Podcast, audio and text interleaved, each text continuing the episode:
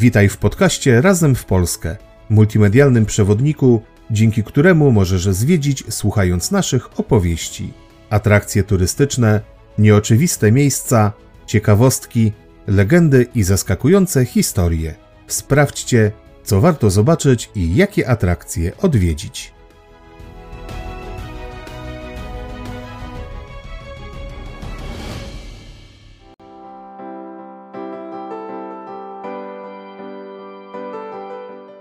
Odcinek 16. Zagadkowe zamki górnych Prus. Co zdziwiło Jagiełłę, gdy szykował się do bitwy o ważną krzyżacką warownię. Dlaczego musiał zginąć królewski pisarz? Co przyciągało zachodnie rycerstwo do zamków przez Marku? Czego szukali hitlerowcy w malowniczych ruinach? Co wspólnego mają pompejańskie malowidła z owcami? I czego szukała potomkini niemieckiego rodu w ruinach średniowiecznego zamku. Opowiemy Wam o tym podczas dzisiejszej wycieczki, w której odwiedzimy jedne z najbardziej zagadkowych warowni w górnych Prusach.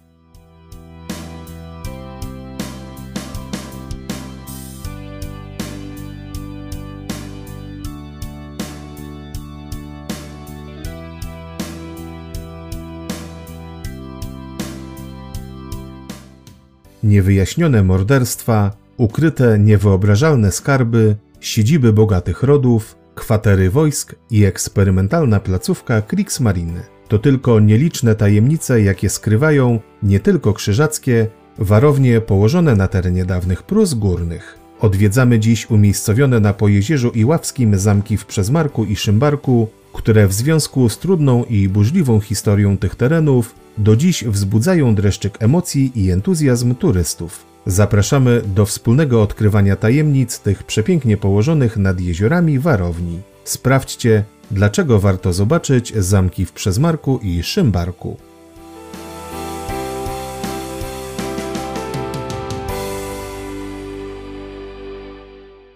Zamek Krzyżacki w Przezmarku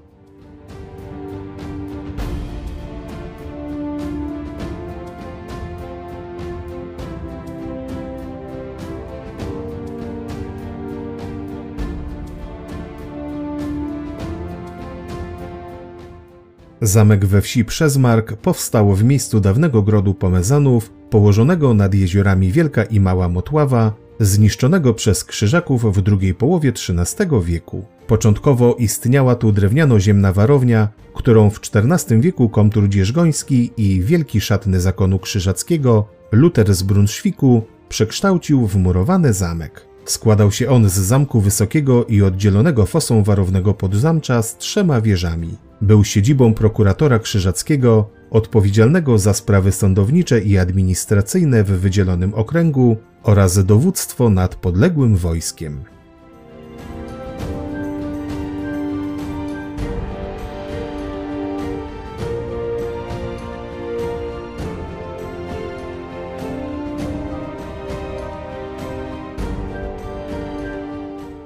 W 1410 roku pod zamek podchodzą wojska Jagiełły przekonane, że ze zdobyciem warowni nie pójdzie łatwo. Związane to było z informacjami, o których pisał Długosz. Opowiadano, że ukryto w nim pewne bardzo ważne rzeczy oraz mnóstwo skarbów. Wyobraźnię głodnego łupów rycerstwa dodatkowo rozpalała wieść, że tuż przed bitwą grunwaldzką krzyżacy ukryli w Przezmarku 13 tysięcy florenów w złocie. Było więc o co się bić. Jakież musiało być zaskoczenie króla, gdy, i tu oddajmy znów głos Długoszowi. Przybyło tam do króla wielu krzyżaków zostawionych celem obrony grodu przez Marka, a oddawszy pokornie cześć królowi, przekazują mu gród i rezygnują z niego. Zaskoczony Jagiełło wysłał do zamku rycerza Mroczka z Łopuchowa w towarzystwie nadwornego pisarza Jana Sochy, któremu polecił sporządzenie spisu kosztowności. Socha ze spisem uwinął się szybko, do króla jednak nie dotarł.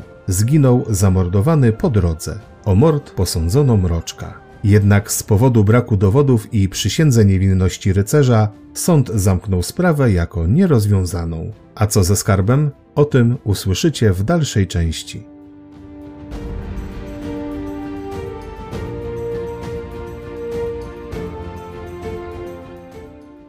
Krzyżacy powrócili do Przezmarku już w 1411 roku, ale już trzy lata później zamek zostaje zdobyty i ograbiony przez wojska polskie. Był jednak w dużo lepszym stanie niż nieodległa warownia w Dzierżgoniu, dlatego też Krzyżacy podjęli decyzję o rozbudowie zamku o kolejne skrzydła i przeniesieniu tu siedziby kontura. Był on w tym czasie chętnie odwiedzany zarówno przez dostojników zakonnych, jak i gości z zachodu Europy. Niemały wpływ miały na to bogate w zwierzę lasy i zasobne w trunki piwnice. Ponoć przechowywano tu ponad 3,5 tysiąca litrów wybornego wina. Sielanka nie trwała jednak zbyt długo, bo już w 1454 roku, podczas wojny trzynastoletniej, zamek zajęły i podpaliły wojska mieszczan elbląskich. Po drugim pokoju toruńskim przez Mark pozostał jednak w granicach Prus zakonnych.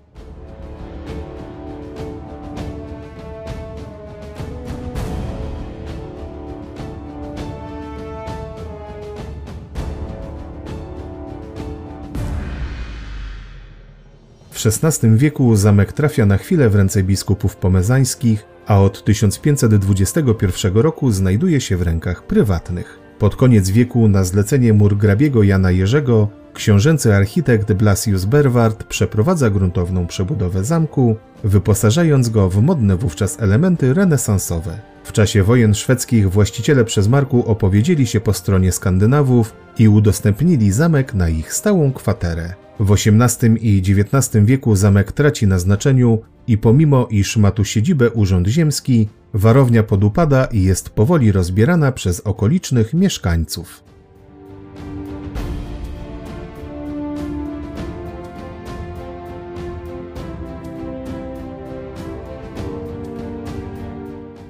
Nadchodzą lata 30. XX wieku i rządy nazistów w Niemczech. W 1935 roku na zamku w Przezmarku rozpoczynają się prace archeologiczne prowadzone pod nadzorem SS, które szukały w tych okolicach dowodów na germański rodowód tych ziem. Gdy wieści o pracach dotarły do Heinricha Himmlera, postanowił on wykorzystać je do poszukiwań zaginionego krzyżackiego złota. Czy udało się je znaleźć, tego nie wiemy. Być może czeka aż odkryje je ktoś z Was. Pewne jest natomiast, że odsłonięto fragmenty średniowiecznych piwnic, z których wydobyto niewielką ilość artefaktów i umieszczono je w wieży oraz zabezpieczono ruiny zamku głównego.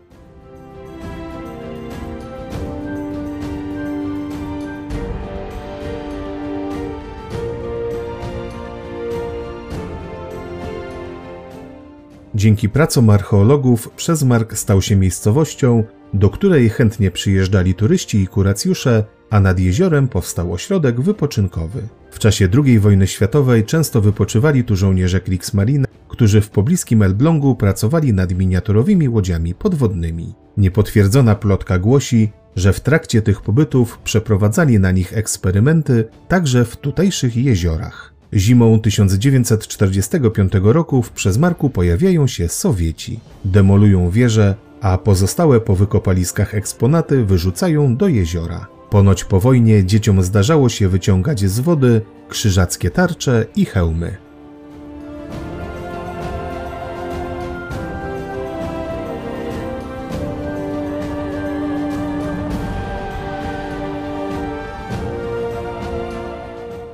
1958 roku przeprowadzono na pozostałościach zamku prace zabezpieczające i przekazano teren na ośrodek wypoczynkowy. To właśnie on, wraz z warownią i jeziorami, posłużył autorowi powieści historyczno-kryminalnych Zbigniewowi Nienackiemu jako lokalizacja akcji Pan Samochodzik i Winetu. Co prawda miejscowość nosi tam nazwę Złoty Róg, ale zarówno lokalizacja na Półwyspie, ośrodek wczasowy na Przedzamczu, jak i ogólny opis z powieści zgadza się z Przezmarkiem.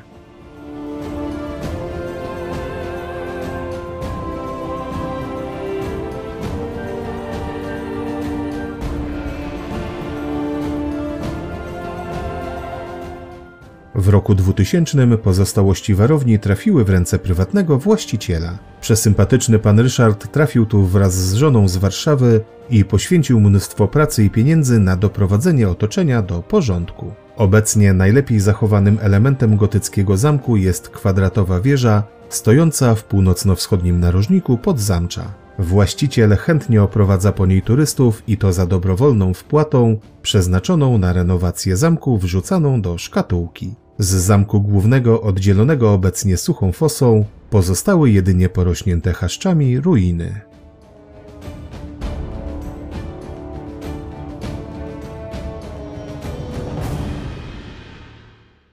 Zamek kapituły pomezańskiej w Szymbarku.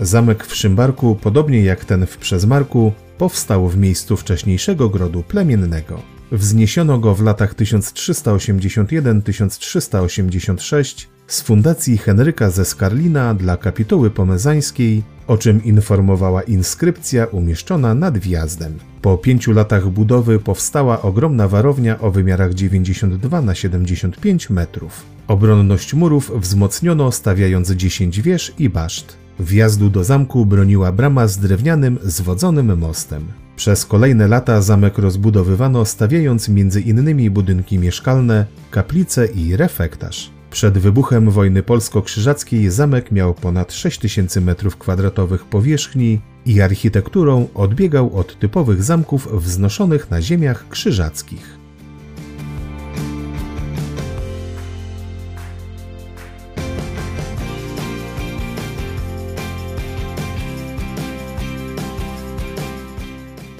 Tym miejscu warto wyjaśnić, czym była kapituła pomezańska.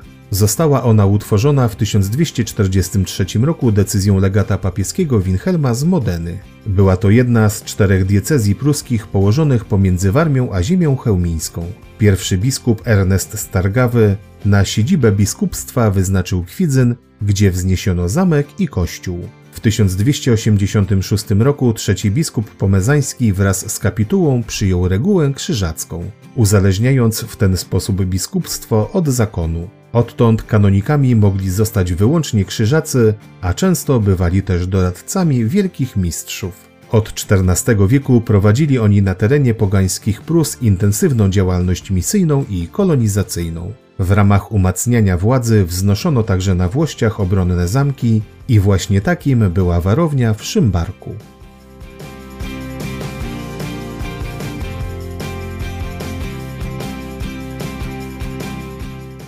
Podczas wojny trzynastoletniej zamek kilkukrotnie przechodził z rąk do rąk i ostatecznie został niemal całkowicie spalony przez wojska polskie. Po zakończeniu zmagań twierdzę odbudowano i wzmocniono podwyższając mury obronne. Po sekularyzacji zakonu krzyżackiego zamek przeszedł w ręce ostatniego wielkiego mistrza Albrechta Hohenzollerna, który w 1525 roku złożył hołd pruski. Ten przekazał go w ręce ewangelickiego biskupa Georga von Polenz. Jego spadkobiercy administrowali zamkiem do 1653 roku. W tym czasie dokonali renesansowej przebudowy twierdzy, zmieniając ją ostatecznie w rezydencję.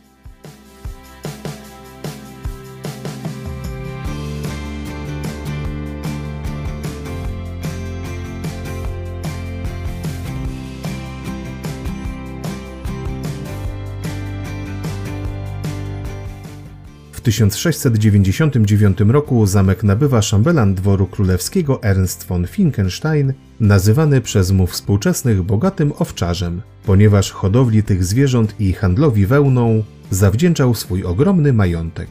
Finkensteinowie nie żałowali grosza na rezydencję, dość wspomnieć o przebudowie wnętrz w guście panującej wówczas barokowej mody. W połowie XIX wieku na fali idei romantycznych Ludwik von Finkenstein dokonuje ponownej przebudowy zamku, nadając mu cechy gotyckie. We wnętrzach powstają pomieszczenia reprezentacyjne, pokoje gościnne, sala teatralna, a kilka zamkowych sal udekorowano malowidłami w stylu pompejańskim. Dostosowując rezydencję do wymogów ówczesnej arystokracji, założono park i wzniesiono klasycystyczną oranżerię, by wśród wyrafinowanych roślin błogo spędzać czas.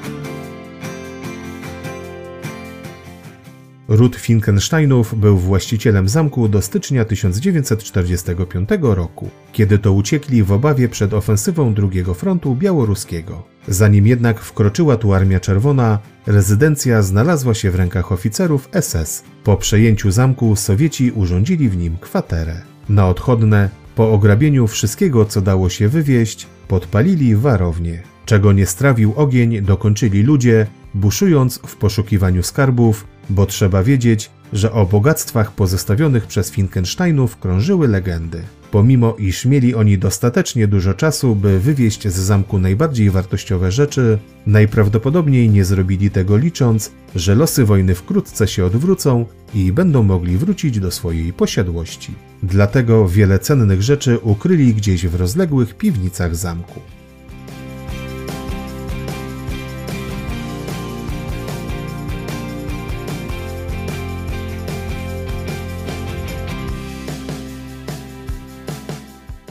Po wojnie Finkensteinowie zamku nie odzyskali, jednak do Szymbarku przyjechała na krótko jego była właścicielka. Za czasów Gomułki zatrzymała się u jednego z mieszkańców wsi i przez kilka dni oglądała pomieszczenia zamku. Pewnego dnia około godziny czwartej nad ranem ktoś z mieszkańców widział ją, jak z dwoma mężczyznami wynosiła skrzynię i ładowała do zaparkowanego samochodu. Krótko potem, gdzieś na łąkach za wsią, skrzynię przeładowano do samolotu, który natychmiast odleciał. Kilka dni później do wioski przyjechało wojsko, a bezpieka rozpoczęła dochodzenie. Ludzi przesłuchiwano, ale ostatecznie nie zdołano wyjaśnić, co pani Finkenstein zabrała z zamku.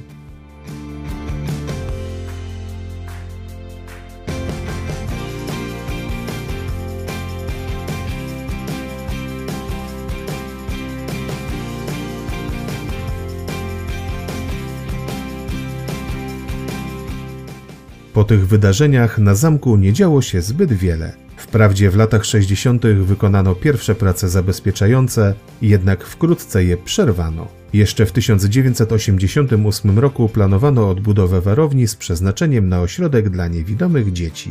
Jednak z braku funduszy z planów zrezygnowano. W 1995 roku ruiny stały się polem bitwy z końca II wojny światowej za sprawą kręconego tu filmu Król Olch z Johnem Malkowiczem w roli głównej. W 2018 roku zamek został nabyty przez firmę inwestycyjną z założeniem przebudowy na centrum hotelowo-konferencyjne. Jednak na tą chwilę prace jeszcze nie ruszyły i można spokojnie podejść pod warownię i zwiedzić ją, niestety tylko z zewnątrz.